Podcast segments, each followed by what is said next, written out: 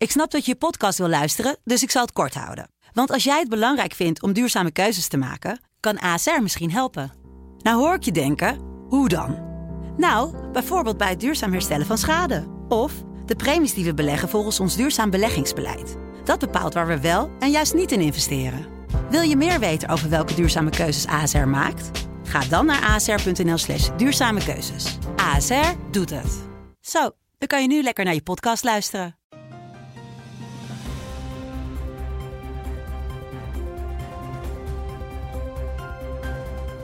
Dit is de Telegraaf podcast. Het land van Wiert Met Kamran Oela en Wiert Duk.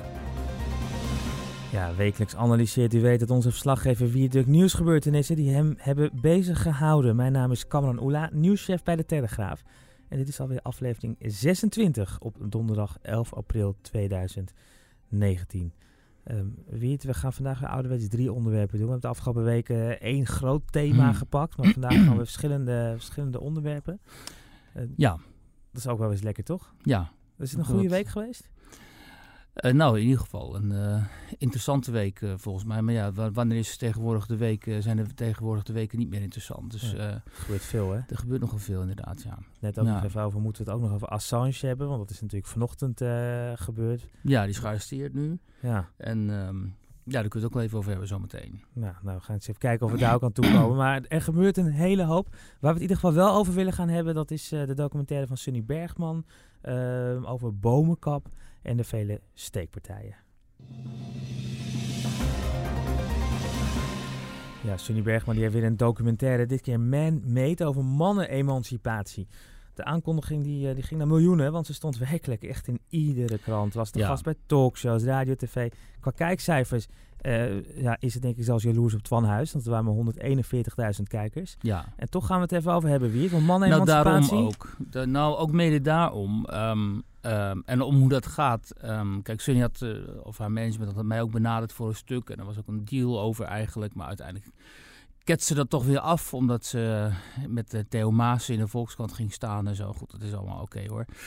Maar um, wat hier eigenlijk aan de orde is, interessant, is dat je dus weer ziet wat er voor een enorme kloof, om dat woord maar weer eens te introduceren, er bestaat tussen wat een bepaalde kring in de media, en dan vooral de links-liberale media, uh, belangrijk vindt en interessant vindt, en wat er dus in de samenleving speelt. Want Sunny die had hier die documentaire gemaakt over een ja, best wel actueel, uh, in die kringen althans actueel dingetje. Hè? Uh, gender, hoe gaan we om met mannelijkheid, met vrouwelijkheid, met transgenderism, met al die verschillende tegenwoordige genders die dus kennelijk schijnen te zijn. Volgens mij zijn er twee, maar in sommige kringen zijn er tientallen. Hè? En dat is een heel heftig en intensief debat um, wat zich afspeelt in een soort cocon. Mm -hmm. um, en dat, hè, dat, dat, die, die cocon bevindt zich vooral op de universiteit, op de academies en ook in uh, de media. En Sunny Bergman die maakte dan een film over, ja, wat betekent dat nou eigenlijk om mannelijkheid te, mannelijk te zijn, naar aanleiding van die, dat begrip toxic, toxic masculinity, wat uit de uit de Verenigde Staten is komen overwaaien. Wat, en dat betekent zoiets als dat mannen eigenlijk alles in de samenleving bepalen. Natuurlijk vooral de witte man, hè, de wat oudere witte... Nou ja, ik, zeg maar. De witte, witte man, blanke man van uh, middelbare leeftijd. En dat ging ze onderzoeken. Dus op zichzelf is, werd het best aardig. En, dat, um, en uh, ze kwam mij ook nog tegen bij een optreden van Jordan Peterson hier in Amsterdam. Jordan Peterson is een Canadese psycholoog die zich de afgelopen jaren uh, er intensief uh, naar de voorgrond heeft weten te schuiven met zijn opvattingen over, uh, ja, over de gekte eigenlijk in die kringen, hè, die social justice warrior kringen zoals we dat noemen. En daar een, soort tegenverhaal te tegenover heeft gezet over dat het, hè, dat het helemaal niet erg is om conservatief te zijn of om mannelijk te zijn of vast te houden aan traditionele waarden. Heel geliefd ook bij, bij jonge mensen, studenten, ja. met name jongens. Ja, heel geliefd bij jonge jongens vooral, omdat die zich toch kennelijk hè, op die academie en in de universitaire wereld zo onder druk voelen gezet door, nou ja, door, dit, door, door dit bombardement zeg maar, van schuld. Want daar komt het eigenlijk op neer. Hè, de, de blanke witte man, die, of de blanke man, sorry, die westerse man, die moet zich enorm schuldig voelen over van alles en nog wat. En die moet zich maar eens een keer gaan emanciperen. En... Gaat bijna, ga jij het taalgebruik van uh, de mensen ja, overnemen dat, waar we het over hebben? Daar krijg je dan ook steeds kritiek op van waarom zeg jij witte, want dat is een politieke term, je moet blanke zeggen en zo. En dan, nou ja. Al die onzin. Ehm, maar wat, wat ik dan interessant vind, dan, dan is Sunny dus overal in de media. En, hè, en ik moet toegeven, ze had ook bijna bij ons in de krant gestaan hoor, als het interview was doorgegaan. Daar niet van.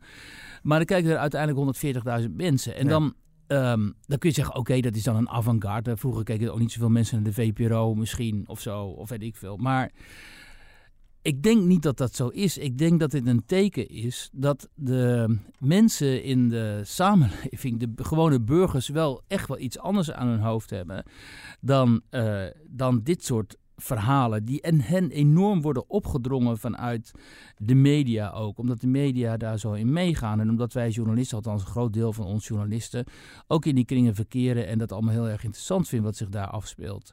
En dat heb je ook gezien met de kwestie rond Zwarte Pieten, waar Sunny Bergman overigens ook een rol in heeft gespeeld. En ook eh, allerlei andere eh, debatten die plaatsvinden over onze, zeg maar, onze historische nationale helden, over de, eh, de straatnamen, over monumenten en al die dingen en zo. En je merkte die, die groeiende irritatie in de samenleving bij heel veel mensen over dat ze hier eigenlijk met die onzin, zoals zij het vinden, niet willen worden lastiggevallen. Uh, en dat vind ik interessant om te constateren, omdat aan de andere kant merk ik, als je met mensen spreekt in het land, vinden, ze vinden zij dat heel veel andere thema's niet aangeroerd worden, of misschien wel bewust onder het tapijt worden geveegd. Um, bijvoorbeeld de serie van mesaanvallen, mesincidenten uh, die de afgelopen weken in uh, Nederland uh, aan de orde zijn geweest. Mhm. En dat is iets um, uh, wat, ook, wat je ook heel erg ziet in het Verenigd Koninkrijk en in Duitsland met name ook. Um, in het Verenigd Koninkrijk heerst echt een epidemie Ja, op dit even, gebied. Even qua voorbeeld, hè, want in Hoofddorp is er een steekpartij geweest. Waarschijnlijk Syrische uh, jongeren, tenminste van Syrische uh, Ja. afkomst, uh, die vier jongens, andere jongens, leeftijdsgenoten verwond hebben. En in Rijswijk um, zijn er twee leerlingen volgens mij van het Rijswijks Lyceum, werd, eh, werd vandaag bekend, neergestoken door een 15-jarige scholier. Ja, en er zijn nog een paar, een paar incidenten dit, geweest. Dit zijn even de meeste, dit, zijn, dit is Ja. gewoon echt letterlijk van de afgelopen twee, drie dagen. Ja, en in totaal zijn de afgelopen weken van vier, vijf, zes van die Mhm. incidenten geweest. En, ehm, en de, kijk, en de- doordat het zo wordt, door, doordat die social media fungeren als hoogdrukketel en mensen dit soort incidenten niet eh, terugvinden in de media, althans niet in, in de details waarin zij zouden willen worden geïnformeerd over wie gaat het nu bijvoorbeeld, wie zijn nu bijvoorbeeld die daders. Hè, hoe komt het dat eh, deze vluchtelingen eh, zo snel naar een mes grijpen en, zo jongens ongeveer doorboren. Hoe komt het dat deze mensen verblijfsvergunningen hebben? En dat zijn al die vragen die die mensen hebben, die ze dan aan mij stellen en die ze niet ehm, beantwoord zien vaak. En dat kan heel gevaarlijk zijn. Kijk, het is niet zo in Nederland dat we nu eh, kunnen spreken over een epidemie van dit soort eh, incidenten. eh, die zouden zijn terug te voeren op het immigratiebeleid. Mhm. Want dat, dat is niet zo. Althans, dat weten we niet. Kunnen we niet zeggen. Maar het is wel zo bijvoorbeeld, als je naar de cijfers kijkt in Duitsland, dat je kunt zien dat het aandeel van ehm, eh, asielzoekers en vluchtelingen bij dit soort incidenten en ook bij eh, seksueel geweld bijvoorbeeld heel hoog is. En dit wordt telkens ontkend. Hè. In Nederland ook. Dat worden, heb je van die immigratiewetenschappers en zo die zeggen nee dat is niet zo. Want kijk maar naar de feiten, kijk maar naar de, naar de cijfers. Maar eh, dan ga je, ga je dus, dus op zoek naar de cijfers. En de, Die Welt, dat is een grote Duitse krant, die had onlangs de cijfers over 2018. En dan zie je dat dat schrikbarend is. Het aantal incidenten waarbij asielzoekers en vluchtelingen, geweldsincidenten, eh, eh, mishandeling, waarbij asielzoekers zijn eh, betrokken, is veel groter procentueel dan omgekeerd. Dat uh, autochtone Duitsers betrokken zijn bij geweld of dit soort ehm, incidenten ten, opzichte van vluchtelingen. En in het Verenigd Koninkrijk weten we, bijvoorbeeld in Londen, is echt een epidemie gaande van mesincidenten. Dat wordt dan teruggevoerd op, ehm, op eh, gangs die met elkaar in conflict zouden zijn. Maar als je dan leest dat er over 2018 alleen al 15.000 van dat soort incidenten zijn gemeld in Londen, dan moet je toch echt gaan afvragen. eh, wat is hier eigenlijk gaande? Hoe, het- zegt dit iets over de cohesie in onze samenleving? Zegt dit iets over ehm, eh, de mate waarin groepen al dan niet zijn eh, geïntegreerd? Hè? Dat zijn allemaal legitieme vragen. En dat wilde ik dus zeggen. Dat, dat soort vragen vind ik legitiemer dan, of belangrijker en urgenter dan de vraag hoe eh, die westerse man nog zijn mannelijkheid kan, eh, kan vieren. Eh, omdat juist die westerse man al dat hij bewezen heeft de afgelopen decennia zo ehm, zeg maar tolerant te zijn en meegaand en Mhm. ook eh, terend het slachtofferschap van mensen die onze samenleving zijn binnengekomen en zich vaak ook uh, voordoen als uh, slachtoffer van slechte omstandigheden of sociaal-economische uh, achterstand. Um, dat die, die westerse man bijna niet meer in staat is vaak, of bijna niet meer de mogelijkheid krijgt om, um, om gezag uit te oefenen. Ja. En nu, dat is misschien een grote stap die ik nu maak, maar dat zie je dus in het onderwijs ook. Je ziet het elders. En dat is echt een heel groot probleem. Want als je dus te maken krijgt met um, de import, de, de immigratie van grote groepen jongeren uit uh, gebieden in het Midden-Oosten en Afrika, waar gezag een vanzelfsprekendheid is. En ook dat de, het feit dat het gezag wordt uitgeoefend door de oudere man. De vader of de oom of de oudere neef en zo. En je komt in de westerse, zeer gefeminiseerde samenleving, zoals de Nederlandse, waar kinderen vaak vanaf jongs af aan tot aan bijna jongvolwassenheid nauwelijks in contact komen met autoriteitsfiguren die mannelijk zijn. Hè? Omdat in het onderwijs is het grootste deel van de onderwijspersoneel ja. en docerend personeel is vrouwelijk. Ja, dan, dan dan levert dat grote probleem, kan grote problemen opleveren. Dat zie je nu ook bijvoorbeeld. Ja, ik associeer, het lijkt alsof ik associeer, maar het houdt echt allemaal verband met elkaar. In die kwestie die deze week aan de orde kwam over de, het HAVO. Hè, uh, waar in, op de zwarte scholen nauwelijks nog leraren um, gevonden kunnen worden. Omdat die te bang zijn voor de chaos. Blijkt het onderzoek van de inspectie. Het jaarrapport van de inspectie is uitgekomen. En daaruit blijkt dat dit echt een gigantisch probleem is op de HAVO's. Ja, omdat, en ik denk dat wat er, waar dat mee te maken heeft ook, is dat uh, deze leerlingen, uh, een groot deel van deze leerlingen, geen gezag meer accepteren.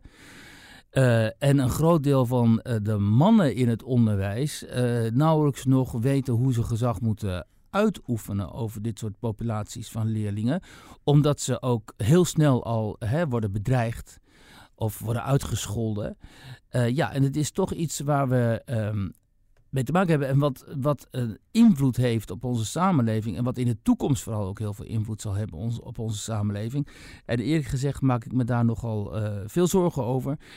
Meer zorgen dan over de vraag of die man wel zacht genoeg is en wel voldoende zijn ja. emoties uit. Want daar begon dit hele verhaal mee. Um, het, grappige eigenlijk is, of grappig, het, het, het, het uh, merkwaardige denk ik moet ik zeggen, is wel dat... Um, uh, Jens van Tricht, dat is uh, een van de mensen die ook uh, te zien is. Hè? Die, die, die, in, die, in, in Man Made, echt zo'n mannen-emancipator heet ja. hij volgens mij ook, ja. noemt zichzelf. En, ik, ik, ken Jens een, een, aantal jaar en ik weet van Jens dat hij ooit begon met het project Toffe Vaders, Toffe Zonen. Mm -hmm. Die eigenlijk heel erg hierover ging, wat jij nu eigenlijk aangeeft. Mm -hmm. Het ging juist heel erg over um, mannen als voorbeeld, uh, rolverdeling, hoe dat dan gaat voor jonge, jonge jongens. En toch zie je dat, dat, dat die groep zich eigenlijk op een heel ander vlak nu begeeft. En, ja. en qua thematiek dus, hè, ergens begon misschien wel met, hey, dit is een probleem om het aan te stippen, maar nu toch weer naar een, ja, een soort, ja, wat, jij noemt het dan uh, uh, linksactivistisch uh, net, ja. maar die kant op gaat. Hoe kan dat? Waar, dat? Dat rijmt dan toch niet met elkaar? Nou ja, omdat die druk vanuit die wereld uh, en, en nat natuurlijk gewoon heel groot is. Het,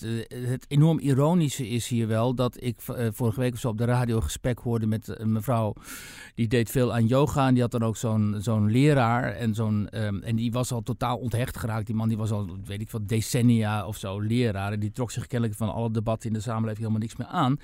En die begon juist enorm van yoga verwacht je dus hè, ook een beetje, een beetje zo links, een beetje geitenvolle sokkenachtig. Ja. Sorry voor als ik nu mensen beledig, maar je kent het wel, de hoek waarin het zich afspeelt.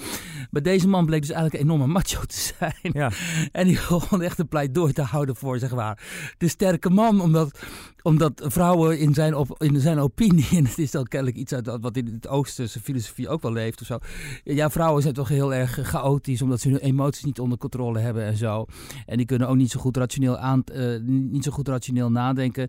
Dus uh, moest juist, pleitte hij voor juist meer mannelijkheid. Dus kennelijk loopt het, het ook in die wereld al die denkbeelden wel uh, door elkaar. Nu, goed, nu vind ik dat vooral heel erg grappig en ironisch. Maar waar het mij om gaat uiteindelijk, is als je, als je decennia lang onder druk van, en dat is toch vanuit die zeg maar linkse emancipatiebeweging, uh, de man en de blanke man ter discussie stelt en zijn rol ter discussie stelt en hem permanent blijft aanvallen Mm. en zo. Dan zijn er op den, den duur nog maar weinig mannen ook over die bereid zijn om dat onderwijs in te gaan. Ja. Wat sowieso al heel slecht betaald wordt natuurlijk. eh, eh, en waar je sowieso al eh, een, een, een burn-out factor ehm, eh, eh, die, hebt die heel hoog is.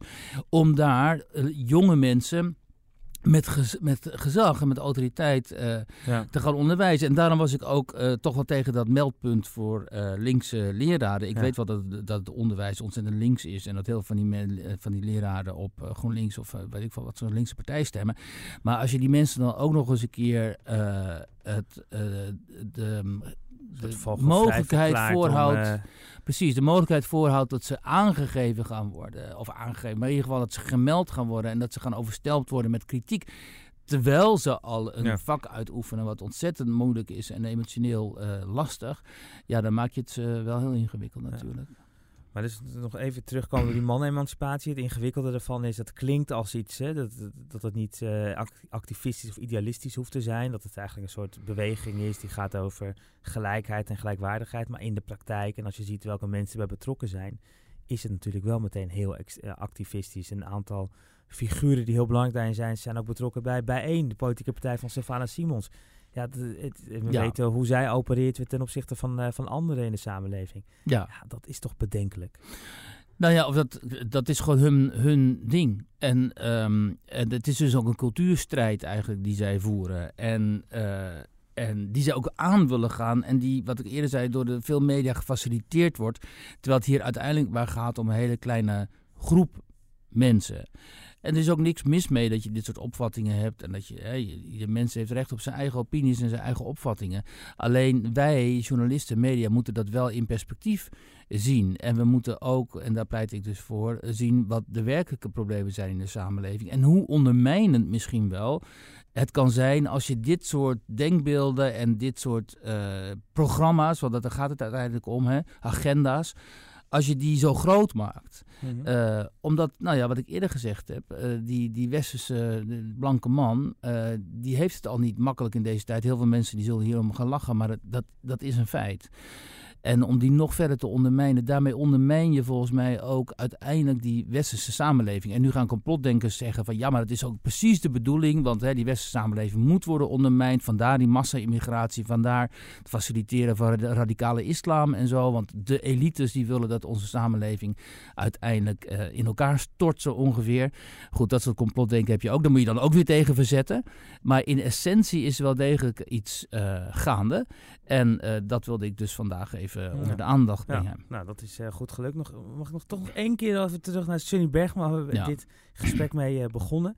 Eh, op een heel ander vlak dan in dit geval. Misschien ook een beetje eh, wat ik, waar ik persoonlijk eh, ingewikkeld eh, hieraan vind, is ze krijgt iedere keer weer tonnen aan subsidie. eh, om eh, dit soort documentaires te maken. Terwijl er zijn zoveel goede, leuke, jonge documentairemakers met fantastische ideeën. Ja. Vaak ideeën waar ik helemaal niet, waarvan ik denk, oh, dat is ook wel weer linksactivistisch. Ja. Maar nieuwe, nieuw elan, nieuw geluid, die het voor het zesde van het, eh, van het bedrag willen doen. En de NPO kiest Nee, toch ik weet niet wat zij krijgt, eh, dus daar kan ik niks over zeggen. Maar ik weet wel dat ze gewoon eh, haar media, communicatie met de media gewoon heel goed voor elkaar heeft. En kennelijk, kennelijk ook met de documentaire zou de NPO subsidieverleners. toch niet nog een keer erin moeten trappen? Ehm, nou, kijk, ik vond het best wel een onderhoudende documentaire, moet ik zeggen. En eh, ik vind ook de, manier waarop zij die dingen brengt, dat dat best wel aantrekkelijk is. Je kunt echt wel drie kwartier gaan zitten en denken, nou, leuk. Dus daar vind ik niks mis mee. Ehm, eh, op zichzelf. Hè? En er zijn... ehm, dus, maar ik kan me voorstellen dat als je een jonge documentairemaker bent en je hebt een fantastisch idee en het is echt wel urgenter of belangrijker dan dit en je kunt het maar niet onder de aandacht krijgen of je kunt er geen geld voor krijgen Mm. omdat je niet past in die politiek correcte wereld van de mensen die die subsidies geven, want dat is natuurlijk gewoon een feit, ja, dat dat wel heel vervelend is. Kijk, Ja. want we weten allemaal hoe verademend het is, kan zijn, als we eens een keer iets zien wat juist tegen dat narratief ingaat. Ik herinner me in dit geval bijvoorbeeld één keer een serie, geloof ik, van één vandaag over de Europese Unie. Die ging eigenlijk over het verzet tegen de huidige, Europese Unie. Nou ja, dat was gewoon, je begon opeens te ademen. opeens dacht je, oh, kan dit ook? Ja. Zijn er journalisten op de televisie bij de publieke omroep die dit soort vragen stellen en die, die dit onder de aandacht brengen en zo? En dan weet je dat met jou honderdduizenden mensen diezelfde opluchting voelen. Zo van, oh kijk eens, dus op deze manier kan het ook. Ja. Hè, net zoals dat het heel fijn zou zijn als er eens een keer een late night talkshow was. En dan niet die van Robert Jensen, maar een andere late night talkshow. Die niet zo enorm politiek correct of links zou zijn als eh, degene, de talkshows die we nu hebben.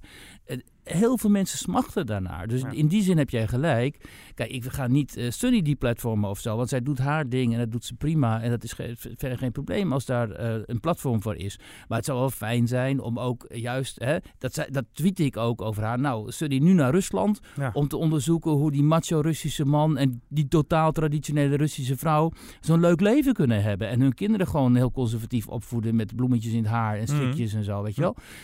Dat zou ik veel interessanter vinden, eerlijk gezegd. Dus eh, nou ja, misschien is het een idee voor een andere documentairemaker dan. Als we nu toch over documentairemakers hebben, mag ik ook gewoon een tip geven? Misschien heb jij er ook al iets van gezien, maar Terreur. Is een eh, nieuwe, eh, ook een soort docu-serie Ja. van, de, van de NPO, gemaakt door Joey Boink, die ook Ja, Jesse de documentaire heeft gemaakt, om maar eentje te noemen waar ook heel veel gedoe om, om was. ja. Echt een aanrader. Geweldig, geweldig gemaakt. Ik dacht En- even dat je die documentaire bij Netflix bedoelde over de Mossad. Die dus ook Ja, fantastisch die is ook, die Ja. is ook, eh, die heet volgens mij Inside, eh, Inside Mossad, Mossad of zo, ja. maar ja, die is ook echt, echt eh, geweldig. Ja, die is ook echt het eh, aanrader waard. het is echt het eh, spionnenleven is dat. Ja, en. En, en Terreur, die gaat die eerste aflevering van Terreur. Het is zo grappig dat je, dat, dat dat je die link legt, want die speelt zich ook af in Israël. Oké. Iedere keer pakken ze een terreurdaad en dan gaan ze met Oh ja, dat heb ik hoofdrolspelers, gelezen. Ja. ja. erop terugblikken. En die eerste die ging over een, over een bomaanslag. eh, die, eh, nou, het, het- je, moet En ze kijken. laten zowel slachtoffers als daders aan Ja, woord, ja nou, en, ik. en dit was Ja. een hele oude zaak. Dus in dit geval ging het om, de, eh, om, om, om, om, om dochters en zonen van de aanslagpleger en van, van slachtoffers. Maar het is prachtig gemaakt. Ja, het, het- ik vind het verschrikkelijk om te zeggen, want ik vind het echt politiek correct gelul. Maar het is on-Nederlands. Oh ja. Dus het is eigenlijk gewoon heel goed, heel Nederlands dus daarmee.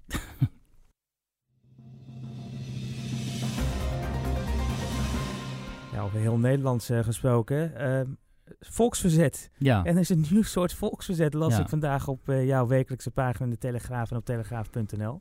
Ehm, in Nederland heet die eh, rubriek. De strijd tegen de bomenkap. Ja, dat is ontzettend leuk dat dat ehm, opeens zie je in de media, hè, want ik ben echt niet de eerste die dit aan de orde stelt.